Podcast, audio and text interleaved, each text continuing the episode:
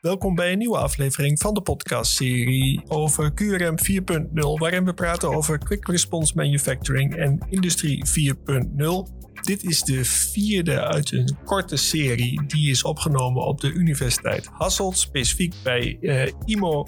En in deze aflevering kun je gaan luisteren naar Wouter Marchal. Welkom Wouter. Dankjewel. En uh, nog steeds bij mij uh, aan de tafel zit Jorn Carolus. Goedenavond intussen. Yes. Wouter, voor de luisteraar die jou niet kent, kan je kort vertellen wie je bent en wat je doet?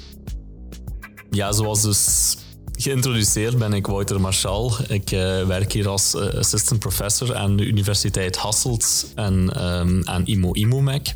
En mijn specialiteit is analytische chemie. Um, dus dat wil eigenlijk zeggen dat we um, ja, allerlei technieken gebruiken om de eigenschappen van materialen zo goed mogelijk te kunnen doorgronden.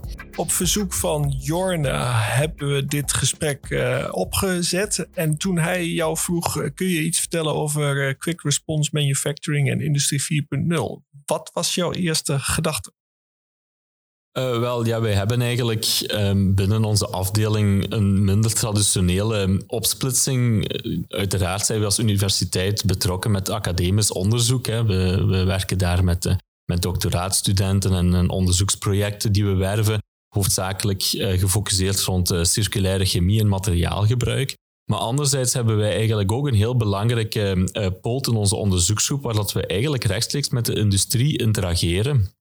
en eigenlijk Um, op, op, uh, op basis van hun cases eigenlijk en hun probleemstellingen die zij dagelijks tegenkomen, uh, onze materialen, kennis en onze know-how, onze expertise eigenlijk inzetten om hun uh, wetenschappelijk gerelateerde problemen op te lossen. Dus um, de, de noden van de industrie zijn mij eigenlijk wel bekend in het algemeen. De materiaalindustrie toch in het algemeen.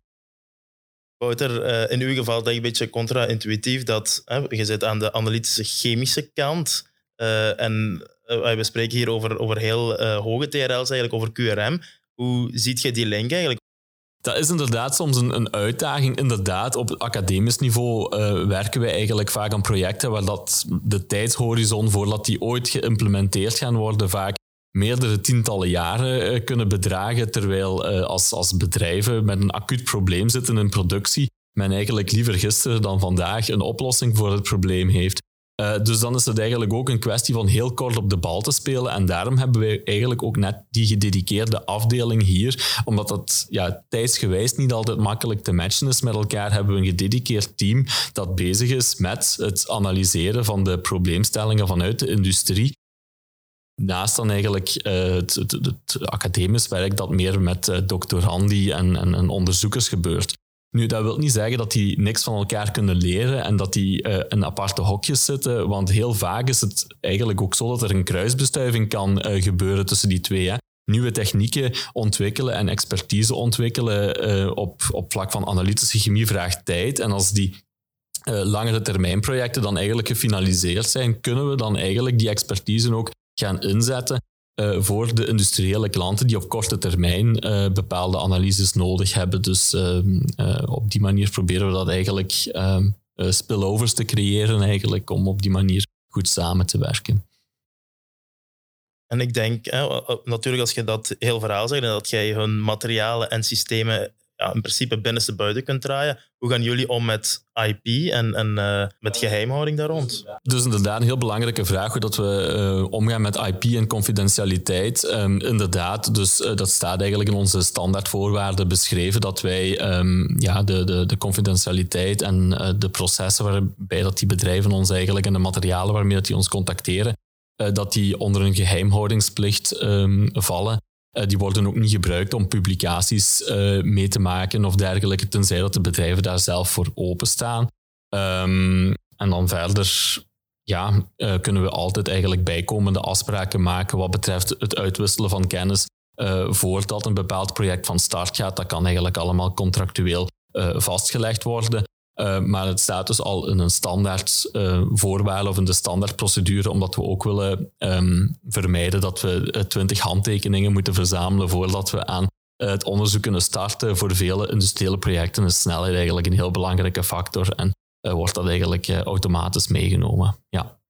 korte doorlooptijd, expertise en ik denk ook onafhankelijkheid, dat veel bedrijven ook uh, oog in het vaandel dragen. Ja, ja, absoluut. Dus die wetenschappelijke onafhankelijkheid, uh, academische onafhankelijkheid, de bedrijven moeten eigenlijk geen schrik hebben dat wij na twee maanden uh, nadat we hun project eigenlijk begeleid hebben, zelf met een lijn gaan beginnen om, uh, om harsen te produceren of om plastics te maken of om ja, andere onderdelen te vervaardigen. Dat is onze specialiteit niet en ook ons interessegebied niet.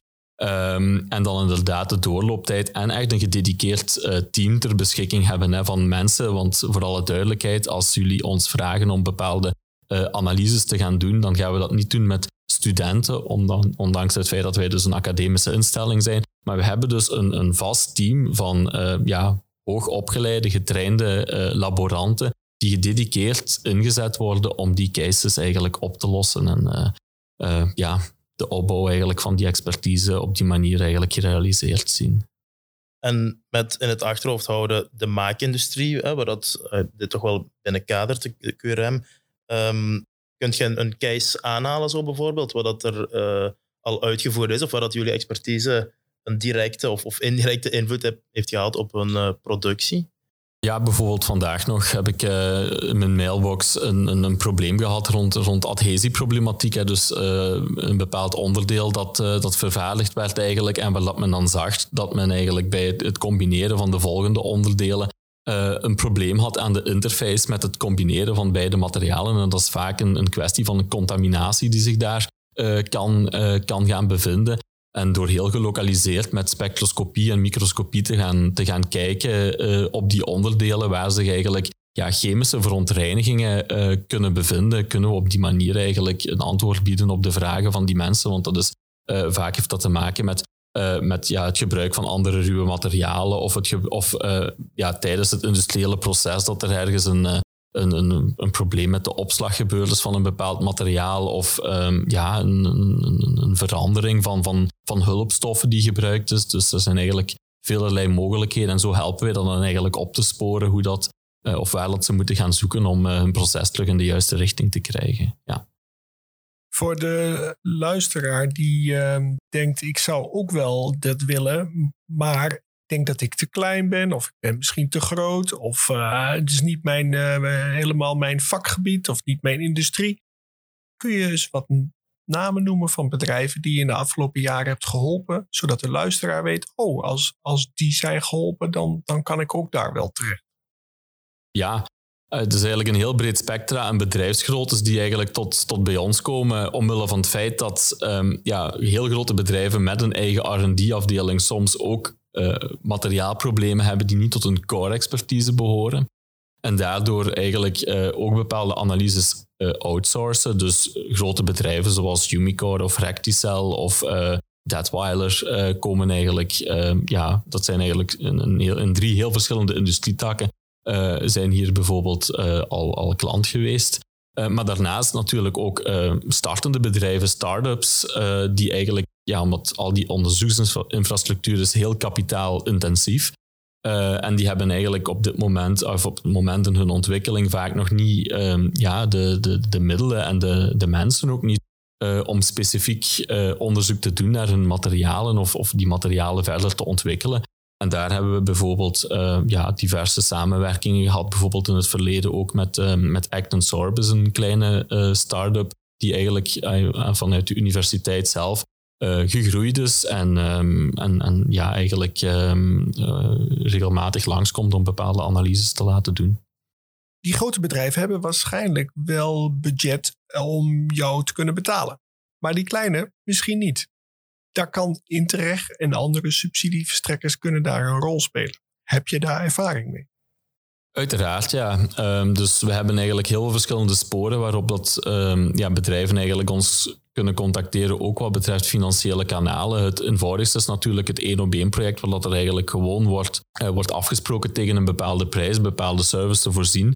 Maar er zijn ook diverse subsidiemogelijkheden natuurlijk daarvoor voorzien uh, vanuit Vlaanderen. Um, denk ik bijvoorbeeld aan de KMO-portefeuille, waar dus eigenlijk kleine en middelgrote ondernemingen uh, jaarlijks voor een bepaald budget subsidies kunnen aanvragen. Um, ik denk ook aan haalbaarheidsstudies die door uh, Vlaio um, eigenlijk gesupport worden.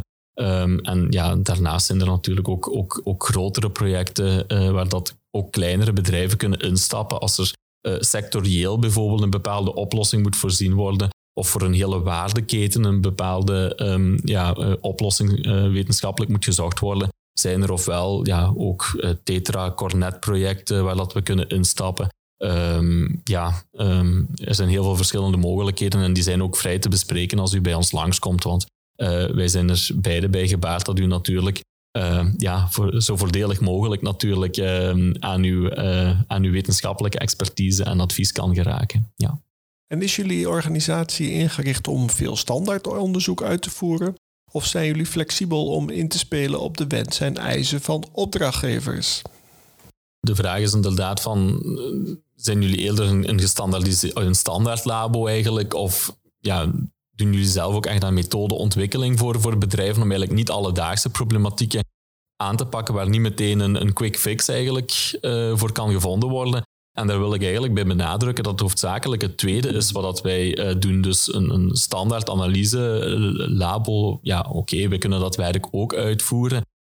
Maar daar zit voor ons als, als, um, als universitair labo vaak niet de uitdaging. De uitdaging is eigenlijk vaak die vertaalslag te maken van een ingewikkeld, een complex probleem naar een analysestrategie die eigenlijk nog, nog nauwelijks of niet beschreven staat, waar dat we eigenlijk ook heel wat verschillende technieken dienen te combineren om uh, tot doorzicht te komen in de materialen. Uh, en op die manier um, dan eigenlijk een, een, goed antwoord kunnen formuleren op, uh, op de probleemstellingen. Ja.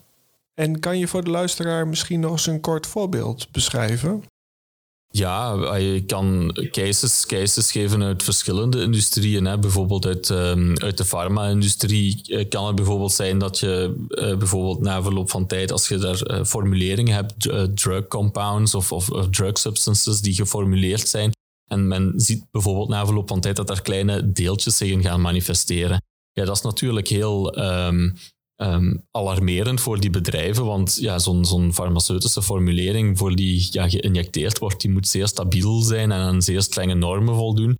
Uh, en dan is het vaak heel nuttig om te weten van, ja, kijk, die kleine partikeltjes, wat is dat precies? Welk van die ingrediënten uit die cocktail uh, geeft eigenlijk aanleiding tot de manifestatie van die partikeltjes bijvoorbeeld? En dan zijn we onderzoek aan toen als we dergelijke cases kunnen, kunnen uitspitten. Ja. Voor de luisteraar die denkt, dit is precies wat ik zoek. Hoe kunnen ze het beste contact opnemen met jou? Ja, het centrale contactpunt is eigenlijk Jorne Carolus hier aanwezig. Uh, dus um, ja, en ook via het e-mailadres imoimec.uhassel.be. Um, je hebt al een aantal aansprekende voorbeelden genoemd van het onderzoek wat jullie zoal kunnen uitvoeren. We hebben nog tijd voor een uh, laatste voorbeeld. Kun je er nog eentje met de luisteraar delen? Ja, misschien nog een voorbeeldje uit de plastic-industrie. Um, uh, dus waar bedrijven zeker en vast ook voor ons, um, uh, ons ook voor kunnen contacteren, is ja, uh, plastics formuleringen proberen te reverse engineeren. Dus bij plastics worden zeer veel additieven gebruikt. Hè, dus om ervoor te zorgen dat tijdens het processen van de plastics um, ja, er, er um, ja, een goede processing door extrusie kan gebeuren, bijvoorbeeld, dat er geen thermische degradatie van de plastics optreedt. En dus worden er eigenlijk heel wat ja, peper- en zoutcomponenten uh, toegevoegd aan die plastic formuleringen, die vaak heel interessant zijn. Uh, niet alleen voor als bijvoorbeeld de plastics gerecycled worden, hoe verder dat die daar eigenlijk in aanwezig blijven. Maar ook om bepaalde ja, concurrenten misschien eens eventjes door te lichten van welke uh, welke weekmakers of welke uh, smeermiddelen of process aids uh, worden er eigenlijk gebruikt. en dan kunnen wij eigenlijk in onze labos daar een zeer gedetailleerd antwoord op geven tot op molecuulniveau, dus ja, tot op ppb-niveau. Ik, ik, leg dat meestal voor de studenten zo uit dat dat 1 op een miljard is, dus 1 seconde op een miljard seconden is een, een seconde op 32 jaar. Dat is ja, best een indrukwekkende concentratieschaal. Uh, dus op dat niveau kunnen we eigenlijk ja, gaan kijken welke moleculen dat ergens in een formulering aanwezig zijn. Heb je nog een mooi voorbeeld uit de metaalindustrie? Um, ja, uh, uiteraard. Um, uh, ik herinner mij bijvoorbeeld een case dat er niet 100% duidelijk was um, welke soort roestvrij staal, omdat daar ook heel veel verschillende klasses in bestaan en elementaire samenstelling soms heel hard kan, kan verschillen. Um, en ja, er moest voor een bepaald kritisch onderdeel echt een bepaalde grade uh, ja, gebruikt worden, zeg maar. En daar mochten geen ehm, geen sporenhoeveelheden van andere contaminanten aanwezig zijn. En op die manier hebben we dan eigenlijk ook met onze toestellen een goede toewijzing kunnen doen om eigenlijk leveranciers te controleren ten opzichte van elkaar. Want ehm, ja, vaak worden er um, ja, technische datasheets doorgestuurd van bedrijf naar bedrijf, maar staan daar heel weinig concrete uh, aanwijzingen en informatie in over wat het precies um, van naaldje tot raadje de samenstelling is van een bepaald product. En ja, dat kunnen wij voor u uitzoeken. En daarmee zijn we aangekomen bij de drie afsluitende vragen die ik aan al mijn gasten stel. Je hebt in het voorgesprek aangegeven dat je geen podcast luistert tot op heden en dat je vooral wetenschappelijke literatuur leest. En daarom heb ik maar één afsluitende vraag voor jou en dat is: naar wie zou jij graag eens willen luisteren in het kader van deze podcastserie over QRM 4.0? Ja, als, als Genkenaar zie ik eigenlijk heel wat ontwikkeling momenteel op de, op de Tor campus. Dus uh, er uh, schieten nieuwe gebouwen als, als paddenstoelen uit de grond. En uh, als wetenschapper is eigenlijk ook het, de thematiek waar dat zij mee bezig zijn, namelijk energieefficiëntie en ook het verzamelen van uh, eigenlijk innovatie rond de maakindustrie, eigenlijk wel iets wat mij uh, zeer sterk interesseert. En ja, daar zou ik eigenlijk ook wel eens graag meer van te weten komen van welke activiteiten en welke doelgroepen dat zij precies eigenlijk targeten en wat dat de activiteiten daar precies inhouden. Jorne, weet jij toevallig meer van dat uh, Torpark in Genk? Wel, ik heb een heel uh, nauwe band met de mensen van uh, het, het, management dat is, daar is aangesteld. Um, net doordat we heel uh, leuke raakvlakken hebben, enerzijds door onze activiteiten binnen Energyville, die dat op Torpark gelegen zijn, um, maar anderzijds ook door de activiteiten die onder andere Wouter en onze andere groepen die structureel met die dienstverlening bezig zijn, zij komen in aanraking met heel veel bedrijven, met heel veel maakbedrijven. En uh, ze zijn niet vies om die door te sturen. En uh, vice versa eigenlijk. Hè. Wij sturen ook wel onze contacten die op zoek zijn naar kantoorruimtes of naar een plek hier in het Limburgs om hun te vestigen. brengen wij hun ook wel in contact. En ik denk dat dat een zeer mooie aanvulling is op het gamma dat jullie al aanbieden.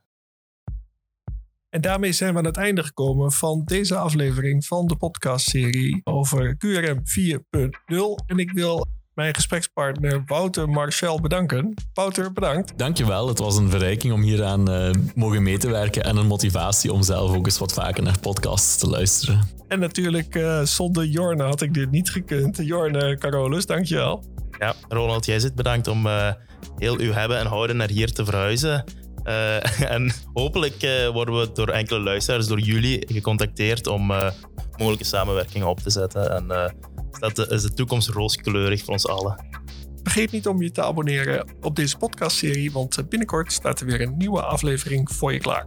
Graag tot dan.